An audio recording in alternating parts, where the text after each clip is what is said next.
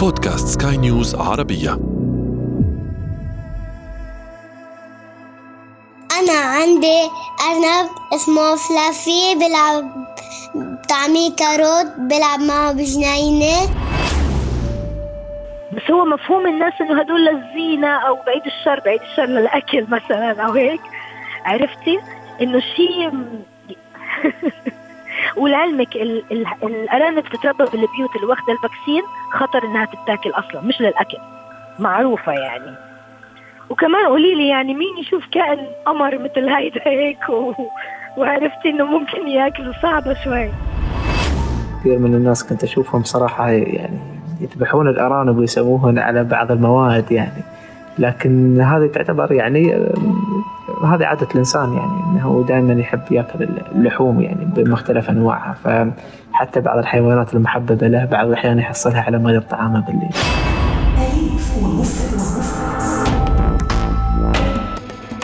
إن كنت واحدا من أولئك الذين يعشقون التعرف إلى أسرار البراري أو حتى ممن يهابونها هذا صوتهم. فماذا عنك؟ قد يجمع الكثيرون عن تشابه الشكل نوعا ما ما بين القطط والأرانب. هنالك العديد من السلالات المتنوعة التي نشأت من انتقال الأرانب من منطقة إلى أخرى ذات طريقة عيش وحياة مختلفة عن تلك التي وجدت فيها. مربو الأرانب ابتكروا سلالات جديدة من خلال التغيير في جينات الأرانب لإنشاء سلالات تتميز بخصائص محددة يرغبون بها، لكن لا تقلقوا فلا يوجد فرق بين سلالات الأرانب عند اتخاذه كحيوان أليف. سنوضح لكم ذلك لاحقا، ولكن الآن دعونا نتصل بالسيدة يارا. أليف ومفترس. أليف ومفترس. أليف ومفترس.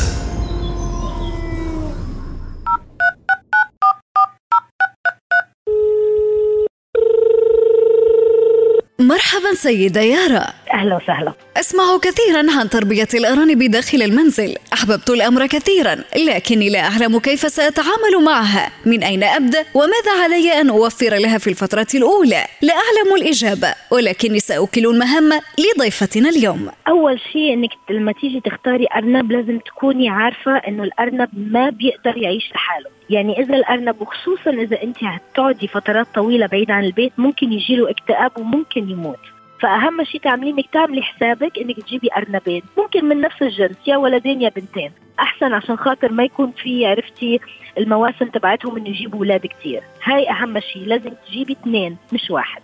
طبعا لازم تكوني مهيئة في البيت قبلها مكان واسع لإلهم يكون يعني بس مخصص لإلهم إذا أنت مش حابة أن يكونوا فلتانين بالبيت وأنت مش موجودة. المكان هيدا لازم يكون فيه مكان طري وحلو هيك فيه مخدات وأغطية. للنوم صغير مثل علبة مسكرة عشان يحسوا بالأمان ويتخبوا فيها. بعدين قفص تاني على جنب يكون فيه الأكل تبعهم والشرب لأنه هم من الحيوانات اللي بتاكل وبتروح الحمام في نفس المكان. وبتفيكي تعوديهم إنه بس في هيدا المكان تعمليه فكل هاي لازم تكوني مجهزاه لهم طبعا درجة الحرارة تنتبهي إذا بدك تطلعيهم تخليهم برا مثلا. أنا مثلا عندي الحديقة تبعتي مخليه لهم البيت برا بس بيتي كتير كبير لازم يفردوا جسمهم ويتنططوا وهيك أحسن يجيهم مشكلة بعدين. ومتغطي من فوق عشان خاطر لو في شمس لو الدنيا حر جايبة لهم مكيف صغير برا. ولو برد طبعا بحط لهم ال- الهي تبعهم اللي هو مثل القش وهيك يدفوا بيه أو مخدات أو أي اشياء عندك مثلا اغطيه أو هيك. لازم يكون كل هيدا جاهز قبل ما تجيبي الأرانب. طبعا أول ما بتاخديهم لازم تروحي للدكتور. للدكتور البيطري وتخليه يشيك عليهم وبياخدوا تطعيم هم كمان. وبتجيبيهم على البيت وبتخليهم شوي شوي يتعرفوا يعني بتفكيهم بتخليهم جنب بيتهم يعرفوا إنه هيدا المكان الأمان لإلهم. شوي الارانب غير الحيوانات الاخرى لأنه بيخافوا. نعم الأرنب يشبه القط أيضا في ميله لتنظيف وبره الناعم بنفسه بل إنه سيستخدم الماء المتاح لديه لتنظيف وجهه الصغير. أمر لا يصدق لكنه واقع. أول شيء طبعا الأرانب الناس فاهمة غلط إنه هي حيوانات عشان بس اللي بتعمل دروبينج في, مك... في الأماكن اللي هي بتاكل فيها إن هم حيوانات مثلا مش نظيفة بالعكس الأرانب انظف من أي قطة وكلب لأنه بينظفوا حالهم بتضلها يعني هي. آه بتلحس جسمها بتضلها تنظف جسمها بنفسها بتمسك دنيها بتنزلهم طبعا أنا شفت أنا عندي كوكو واحدة من أرانبي بتغسل وجهها من المي تبعت الشرب تبعتها يعني بشوفها بتحط إيدها وبتغسل والله يعني شيء كثير بيضحك أصلا. عرفتي كيف؟ وأنت لازم طبعا المكان اللي هم فيه يتنظف على الاقل مثلا يوميا يتمسح شوي. ومرة في الأسبوع بتشيلي كل الفضلات لأنه بيكون الفضلات موجودة في في مكان معين يعني هيك كبير. أنت بتشتري قفص كبير آه، مفتوح لهم طبعا إنه بينزل كل شيء لتحت وأنت بتشيلي الجرور بتظبطيه بيحبوا النظافة كثير ما بيحبوا الصوت العالي. مثلا كيف بدي أقول لك الأكل تبعهم ما في أسهل من أكلهم. وبمناسبة حديثنا عن الأكل كمغالطة أكل الفار للجبن التي رأيناها في توم جيري؟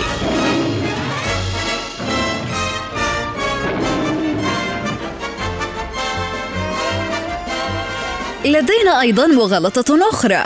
الأرنب والخس والجزر. عدوان يتربصان بحيوانك المسكين. فقد تتسبب كمية السكر العالي بالجزر في تسمم الأرنب لأن جسده بغاية الحساسية. أما الخس فسيكون مصدر سمنته المفرطة التي قد تؤدي به إلى ثقل الحركة والكثير من الأمراض الأخرى. أما الحل فهو الحبوب.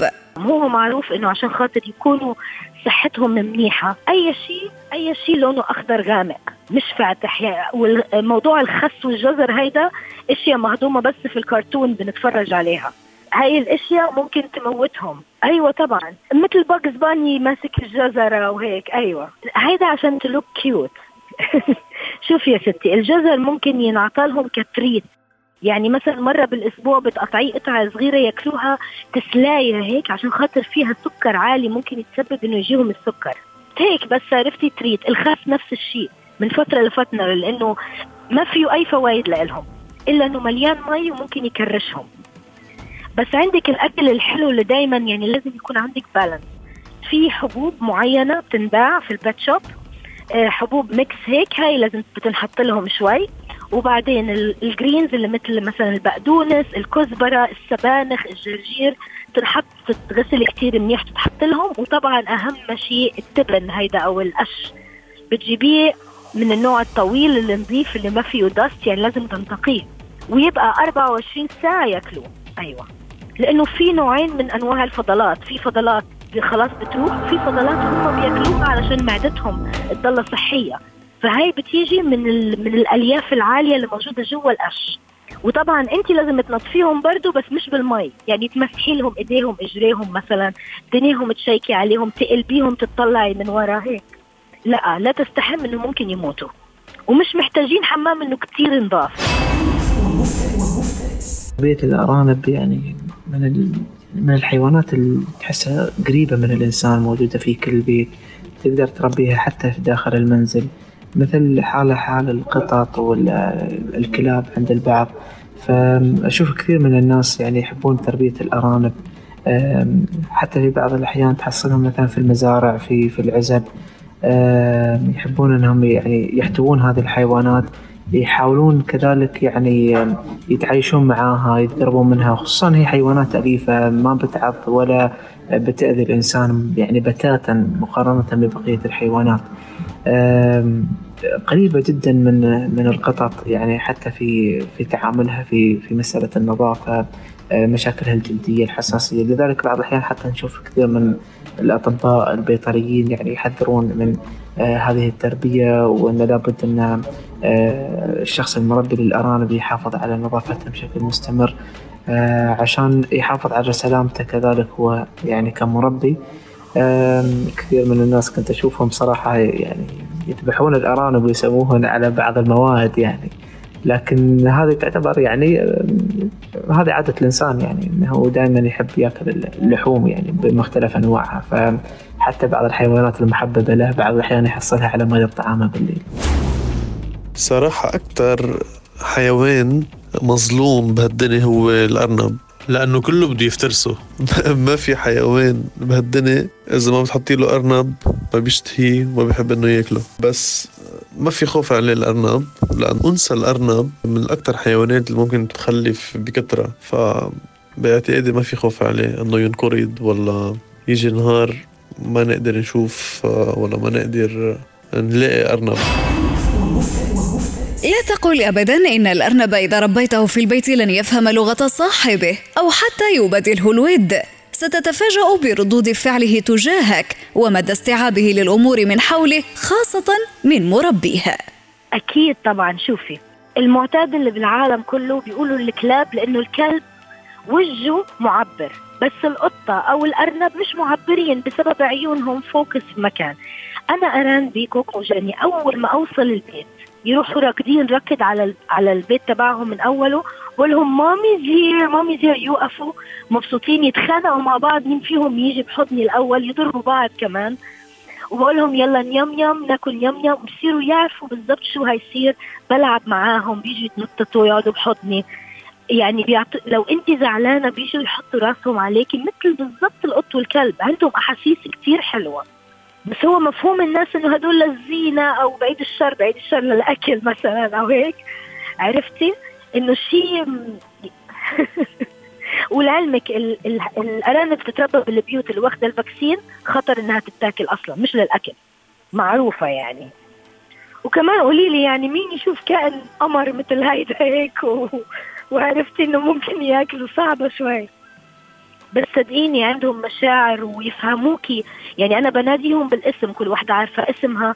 Don't do this. مثلا ما تعملي هيك. no يتركوا الشغلة ويمشوا. بيعتادوا زيهم زي أي حيوان تاني نبرة صوتك والاكشن إيدك. لأنه الحيوانات كلها بتاخد بال body language تبعك. كيف بتحركي جسمك مع الكلمة. فصدقيني مظلومين يعني. الأرنب حيوان حساس وشديد الرقة لن تصدق أبدا أن بإمكانه أن يتفاعل معك ويتحدث إليك بلغته الخاصة فهو يحب من يتحدث إليه. ولذلك ستجده يصدر أصواتا غريبة عندما تحدثه بنية الرد على كلامك. شوف يا ستي تربية الأرانب خصوصا يعني هم كتير حيوانات آم، رقيقة كتير. يعني هم من نوع الحساسين أكتر من أي حيوان تاني لأنه من أقل شيء أقل صوت عالي أقل نأزة مثلا أو هيك ممكن يصير لهم شيء. أنا طبعا ما شاء الله اللي عندي يعني تعودوا لأنه عندي my younger brother بيلعب PlayStation على طول جنبهم فتعودوا على الصوت العالي بقى وتعودوا على كل شيء عرفتي؟ بس هي كائنات حساسة كتير ورقيقة كتير وناعمة. ومحتاجة اهتمام ومحتاجة إنك تحكي معاها ومحتاجة إنك أنت تلعبيهم وكل شيء. زيهم زي أي حيوان تاني أو زي أي طفل كمان. تصرفاتهم تصرفات أطفال. يعني ال- ال- السر في, في الأرنب كائن هيك بتعرفي كيف بدي أقول لك إنه مثل النسمة. حتى بيصير بعدين بعد لما يتعود عليكي ويثق فيكي يصير يحكي معاكي بيطلع أصوات صعب انه الناس يسمعوا صوت الأرنب. بيطلع أصوات بيحاول يحكي معاكي. الحنية حبيبتي مع أي كائن في الدنيا بتنفع. طبعا يعني الله وصانا والرسول وصانا على الرفق بالحيوان. وختاما موضوع اللقاحات. إن الأرنب لا يأخذ إلا لقاحا واحدا في حياته إلا في حالة الأوبئة أو حتى الأمراض المعدية. آه، في البلد هون في هاي البلد مرة بالعمر لأنه ما في الأمراض المتداولة في البلاد الأجنبية. يعني ما بيجي الديدان مش موجودة الب... آه، هاي الأشياء المخيفة يعني اللي بنسمع عنها مش موجودة في البلد الحمد لله. فهو بياخدوا بس فاكسين واحد. أليف ومفترس. أمل أن تكونوا جميعا أوفياء لحيواناتكم الصديقة حتى إن أصيبت بمرض ما فذلك هو واجب الصداقة ولا تنسوا أبدا العناية بها وبمحيطها والالتزام بلقاحتها وزيارة الطبيب البيطري بشكل دوري. ولا تنسوا أن تكونوا أوفياء لنا أيضا بالاستماع إلى مختلف حلقاتنا من بودكاست أليف ومفترس. كنت معكم في الإعداد والتقديم أنا ابتسام العكريمي وكان معكم في الإخراج الصوتي إيدي طبيب. ومفترس. أليف ومفترس. أليف ومفترس.